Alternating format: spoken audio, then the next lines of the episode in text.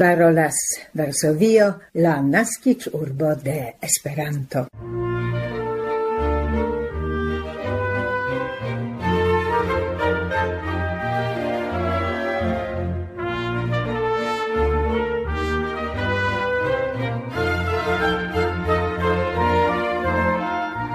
Core salutas vin, carai auscultantoi, la tuta skipo de la Esperanto Radio Varsovio en nia 1240 sendo la 30 de aprilo 2023 bonvenigas vin Barbara Pietrzak, Gabi Kosiarska, Milada Szwedo kaj Maciej Jaskot. Hodiaŭ en nia elsendo vitrovos trovos aktualaĵojn, sciencbultenan rubrikon kaj sonraporton pri la okazinta last semajnfine treinado pri Wikifontaro en Slovakio. Tio ne estas la unusola informo en la vivo de la Esperanto-komunumo en la lasta periodo aparte dum la lasta semajna fino. Nome de Rizzo Giacometto ni ricevis crome raportan informon post la Brita Esperanto Congresso pri kiu ni informis en nia elsendo kaj cetere parolis pri ĝi kun Rizzo antau gia comencigio. Comence audigas actualajoi.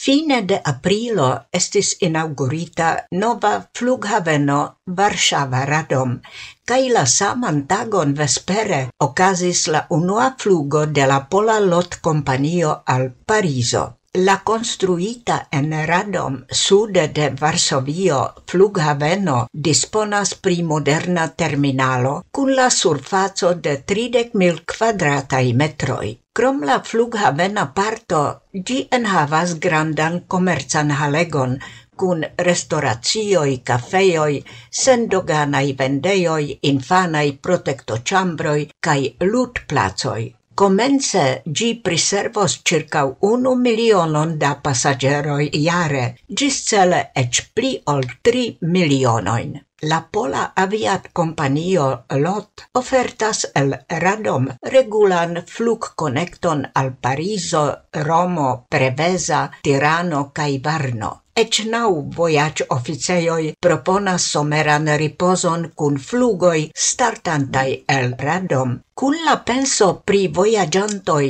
alveturontai al radom el Varsovio funccias inter ambau urboi naved busoi. La flughavenon eblos atingi ancau el la urba stacidomo per busoi. La flughaveno Varsava Radom plenumas la completigan rolon por la Varsovia flughaveno Okęcie.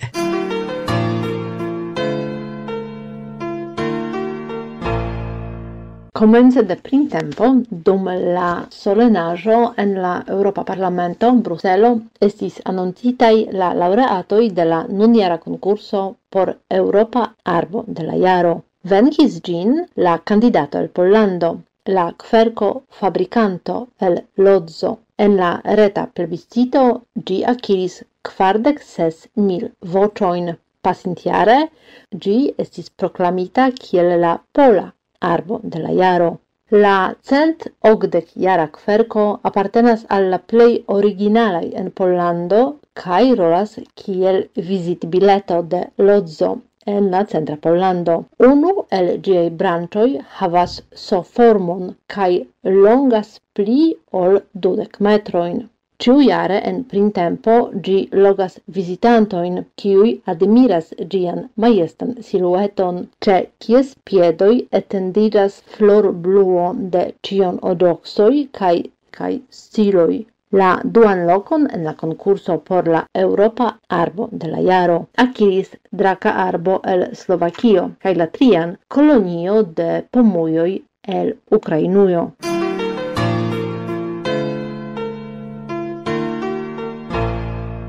La studumo pri la pola kolonio kaj poloj eksterlande ĉe la Lublina Katolika Universitato komencis funkcii last aŭtune. Gian unuan eldonon partoprenis pli ol 330 personoi el dec unu landoi, inter alie el Francio, Germanio, Britio, Usono cae Canado. Nun la rectoro de CUL nomumis la autoritatoin de la Polcolonia Academio, kies tasko estos cun ordigado cae evoluigado de universitato proiectoi favore alla pola Colonio. La cefa tasco estos cun laboro cun polcoloniai medioi, cun amas comuniciloi polcoloniai organizajoi. La unua directoro de la Academio, professoro Tadeusz Bień, attentigis inter alie che depende de la lando cae continento la polcoloniai socioi revivigas, reactivigas,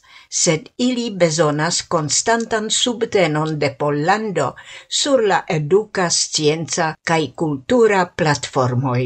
Cursoi gvidatai de cul expertoi estas senpagai kai ocasas en maniero hybrida. Cadre de la curso temas pri du dutagai surlocai convenoi kai pri kvar dutagai convenoi retai. Diplomitoi ricevos diplomoin de cul cae confirm attestoin pri fino de la studoi. Cilastai estos dulingvai, en la pola lingvo cae en la lingvo de la lando en kiu loĝas partoprenantoi.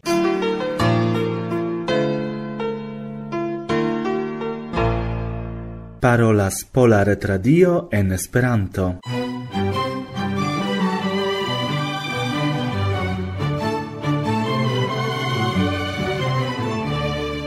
versaine ne nur poloi volonte usas longain semain finoin, ciam pro sinsequai tagoi labor liberai, ciuin eblas cunigi cun tagoi for permesai, du taga semen fino signife longigas. Tia ocaso donigis giuste nun en Pollando, ebligante al multei personoi giui ec nau tagan tempon labor liberan inter la 29 de aprilo cae la 7 de maio. Pri sanfavorei efficoi de longa semajnfino convincas ancau sciencistoi el la Sud-Australia Universitato, kvankam iliaj esploroi rilatis al tritaga semaine fino, cae quartaga labor semaino. Iliei esploroi pruvas, ke kvartaga laborsemajno estas bona ideo se temas pri la homa sano, cio firme ligiras cun la labor laborproduktiveco. La esploristo i rimarkis, che dum la dauranta tri riposo homo i fadijas pli activai kaj pli ofte occupiras pri aferoj, kiuj bone servas al ilia sano.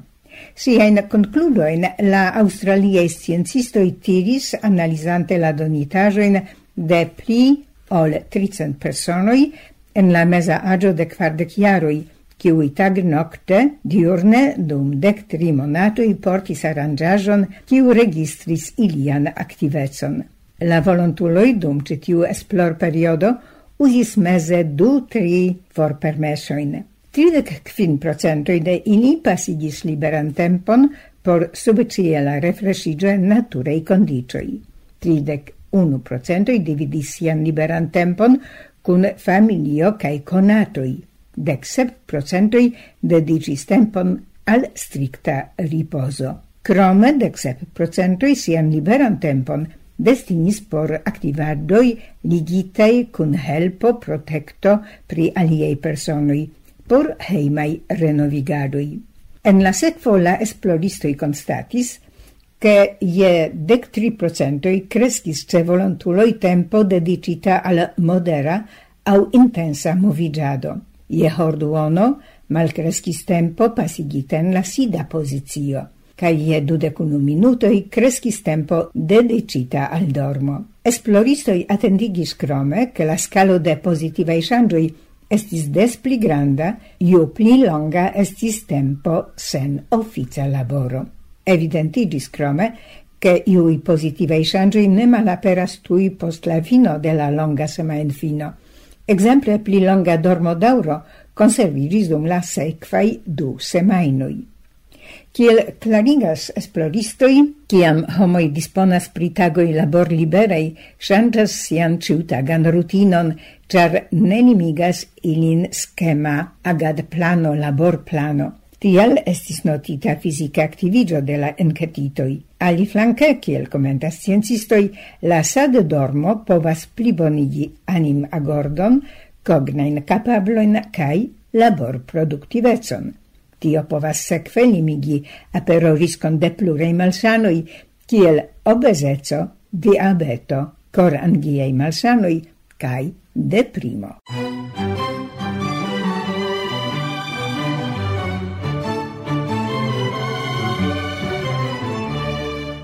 Ni daurigas la programon de la Pola Retradio en Esperanto. Iom da vojoj laŭiru laom, ĝis estos iom la meri. Jes ja kiom da maroj laŭ ŝvebu kolom, ĝis ĝi dormos sur strando Freŝa kio pafojoj plu pafos canon Gis Jesus poci ĉia milit Respondon amic al ni blovas la vent. Respondon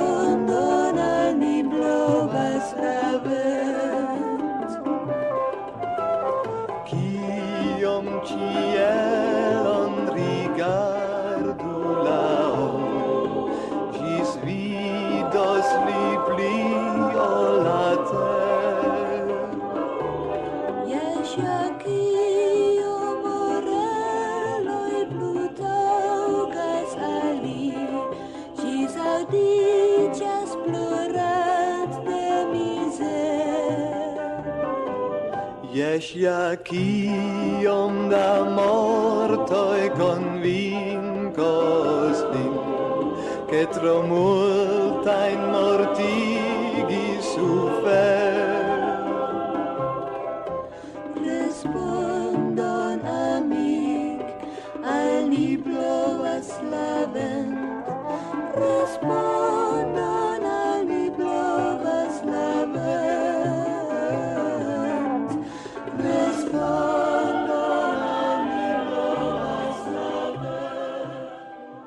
Ni memorigis fragmente la canzonon Blovas la vent en la plenumo de Duo Espera. Varsovio daurigas la Esperanto-elsendon per raportoj pri la pasintsemaine finaj Esperanto-eventoj.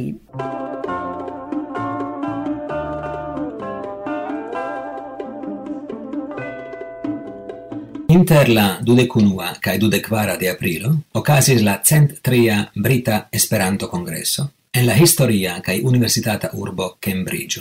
La sama urbo kie okazis antau cent ses jaroj la tria universala congresso de la internazia lingvo. Partoprenis en Brita Congresso 2023 multai entusiasma esperantistoi el Britujo, sed ne nur. Cun gioio ili bonvenigis ancau gastoin el plurai landoi. Inter alie, Usono, Canado, Germanujo, Nederlando, Hungarujo, Pollando, Litovujo kaj Ĉinujo. Esperanto Asocio de Britio pretigis interesan kaj ampleksan programon taugan por la tuta gamo de partoprenantoj, de longtempaj esperantistoj ĝis komencantoj kaj progresantoj. La libroservo proponis crom classicajoi multa e la libroj nove aŭ lastatempe eldonitaj de E.A.B.O., kies staras elstaras ekde kelkaj jaroj. Quin prelegantoj el kvar landoj plenigis la du semajnfinajn tagojn en la ĉefa chambro. Inter la prelegtemoj estis literaturo, legado, verkado, traducado, historio de la movado, la venontaj universali congressoi, instruista trainado, cae la ker lingvai examenoi. Dume, pluraj i la lokaj i proponis buntan serion da programeroi, kiel lingvajn sesioin por comenzantoi cae progressantoi, fulm prelegoin, atelieroin, music sessioin. La vesperoin plenigis sprita cae amusa quiso, cae comunai vespermangioi. Post la oficiala fino de la congresso, quelcae partoprenantoi havis ancau la ocason visiti la locan bibliotecon por giui interesan exposizion pri la UCO de 1907. Ciui congressanoi non certe antaugiuvas la venontiara nazian rencontigion, post unu e la plei successai congressoi de la pasintaj iaroi en Bretuio.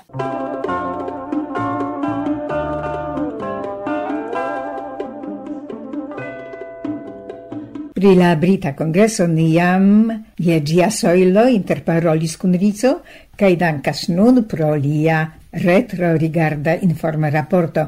Ni certas krome, ke intereson trovos ankaŭ son raporto de Maciej Jaskot – kiu partoprenis samperiode, do dum la lasta semain fino, treinadon pri Wikipedia en Slovakio.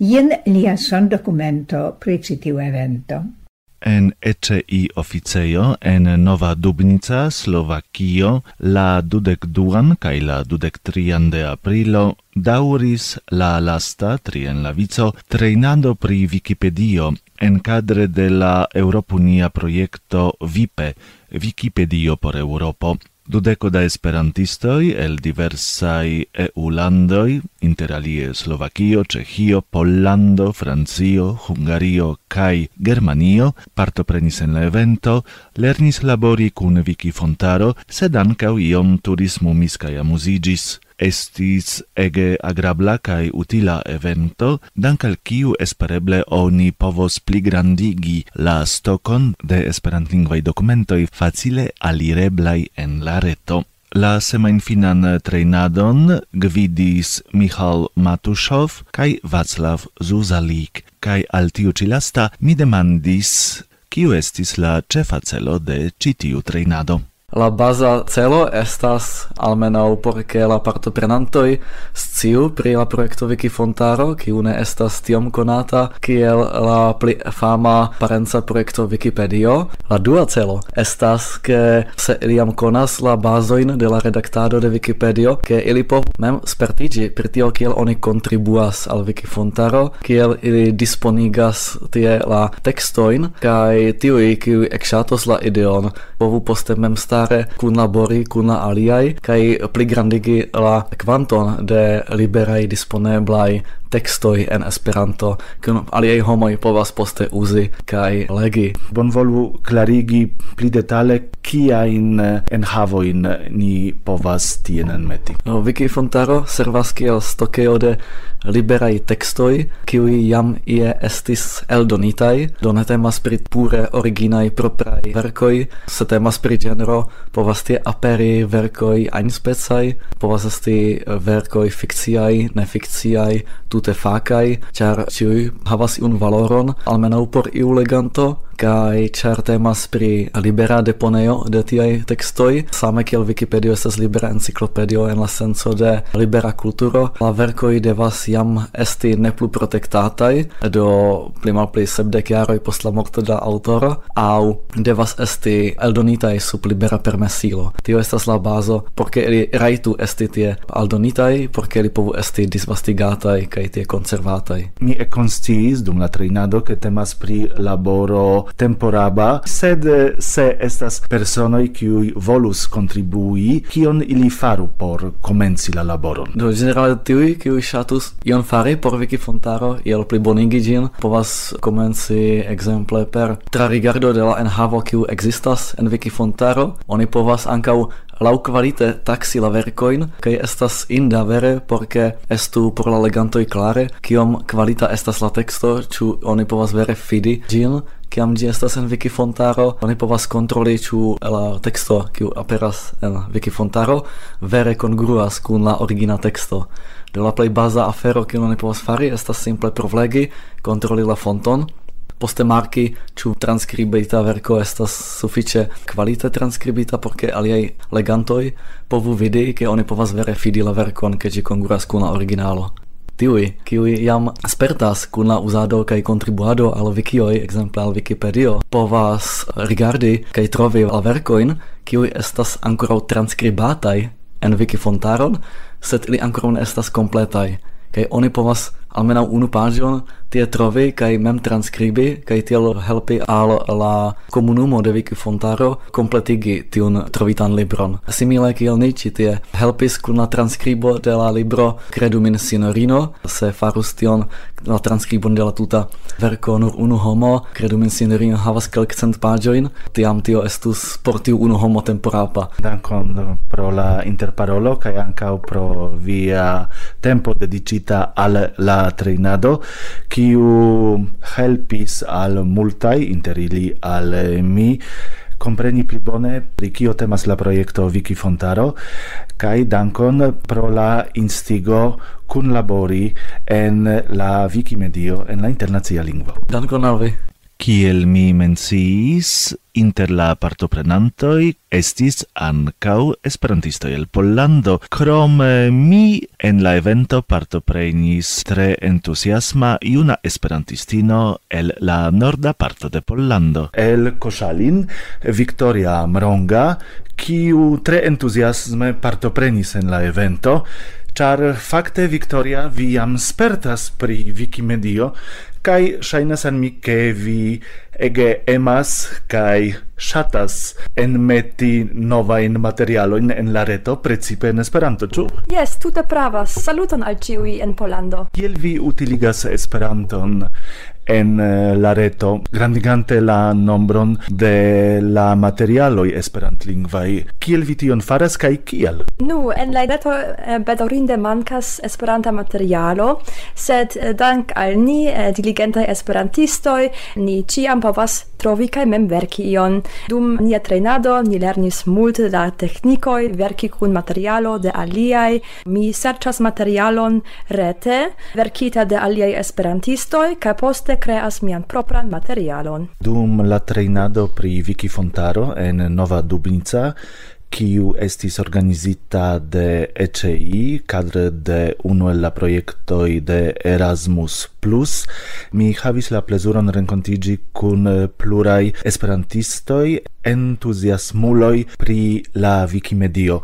kaj inter ili mi renkontis Armand Salek el Francio, kun eh, kiu mi kun laboris li helpis al mi eniri la medion pri kiu mi malmulton sciis, kai Armand, se vi bonvolus eh, rakonti kial vi venis citien al Slovakio kaj kio instigis vin partopreni en la trejnado? Kial mi venis citie? Eh, fakte oni proponis al mi partopreni kaj eh, plibonigi mian scion pri Wikipedio.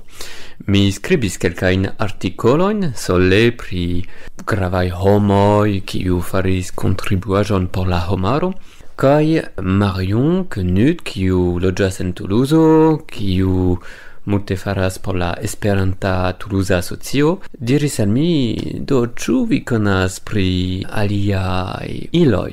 pri Wikipedio, do mi diris tute ne, do ĉu vi volas partopreni en evento pri Wikipedio? Mi diris, jes, iru, Ĉu vi havos la eblecon pridaŭrigi la laboron grandigante la Esperantan Wikimedion? Mi estas timema homo, do amikoj de mi scias ke mi faras kontribuaĵon kaj uh, mi ne konvinkas homoj eh, fari kiel mi. Eh, estas multo da laboro, nur skribi artikolon estas multo da laboro. Ofte kiam ni trarigardas paĝojn de Wikipedio, nu ni vidas ke estas ciam pli multaj artikoloj, kelkaj ne estas tiom longaj, do ni povus havi la ideon ke verki artikolon eh, duon paĝan ne estas eh, tiom laboro, sed ja dum tiu ci treinado Ni ciui vidis che tamen tio postulas multe da tempo, ciu? Yes, estas interese kion vi diris. Ekzemple, kiam mi komencis, mi skribis nur kelkajn frazojn. Kaj estas homo kiun mi neniam renkontis, kiu nomiĝas Kani, estas ja nomo sur eh, Wikipedio, kaj li korektis kelkajn frazojn kiun mi faris, kaj ni komunikigis, kaj eh, fakte estas tre stranga, sed tio funkcias, homoj kiam ni niam mi renkontis, kuraĝigas min plu skribi, kaj eh, tio funkcias, kaj eh, mi ŝatas la ideon.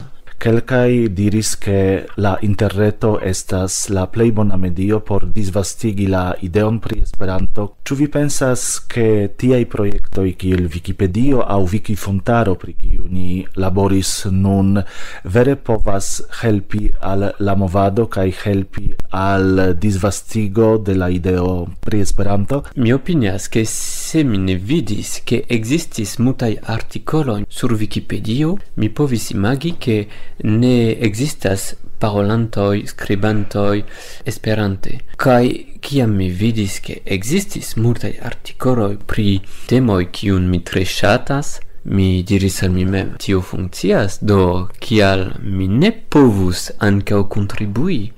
Tio kio estas tre amusa, mi neniam scribis francan articolon, mi estas franco, sed mi nur scribas esperante, kial mi ne scias, estas la magico. Sed jes, dum la coronavirus periodo, mi, mi multe scribis eh, uh, miain unuain articolon, kai... Cae kai fakte estis tre interesa periodo fakte. Yes. Se temas pri renkontigio trejnado fakte pri tiom interreta afero kiel Wikipedio, Wikifontaro precize do kial ne okazigi la eventon rete, ĉu tio havus eh, iun aldonan senson kia estas la avantaĝoj de surlocai rencontigioi tiu specai, tiu specai treinadoi? Yes, yes, yes, ca yes, eh, po la eta rakonto Ciam mi partoprenis je la unua evento pri Wikipedio mi rencontis virinon kiu estas nederlanda artisto qui un que partoprenis a l'evento kai ni monte parolis kai fakte si si diris que si shinas eh, fari de signajon ke tel plus kai mi avas textajon esperante kai ni dirus e hey, ki al ni ne povos fari verkon un kune kai eh, ni faris tion kai balda finijos eble por la somero kai ni opinias ke ni metos la verkon sur Viki Fontaro. Dankon, kaj espereble gis la revido en alia Esperanto renkontiĝo. Dankon al vi, gis, gis al ĉiuj.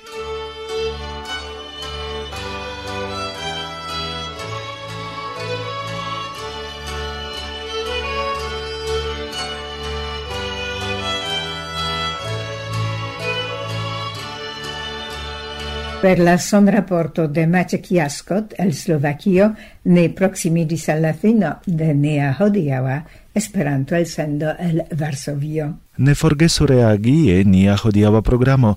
Ni anticipe dankas pro via senavara helpo donaco ce nia UEA konto Vars Strekoto. Signorinoi kaj signoroi, gis la reaudo.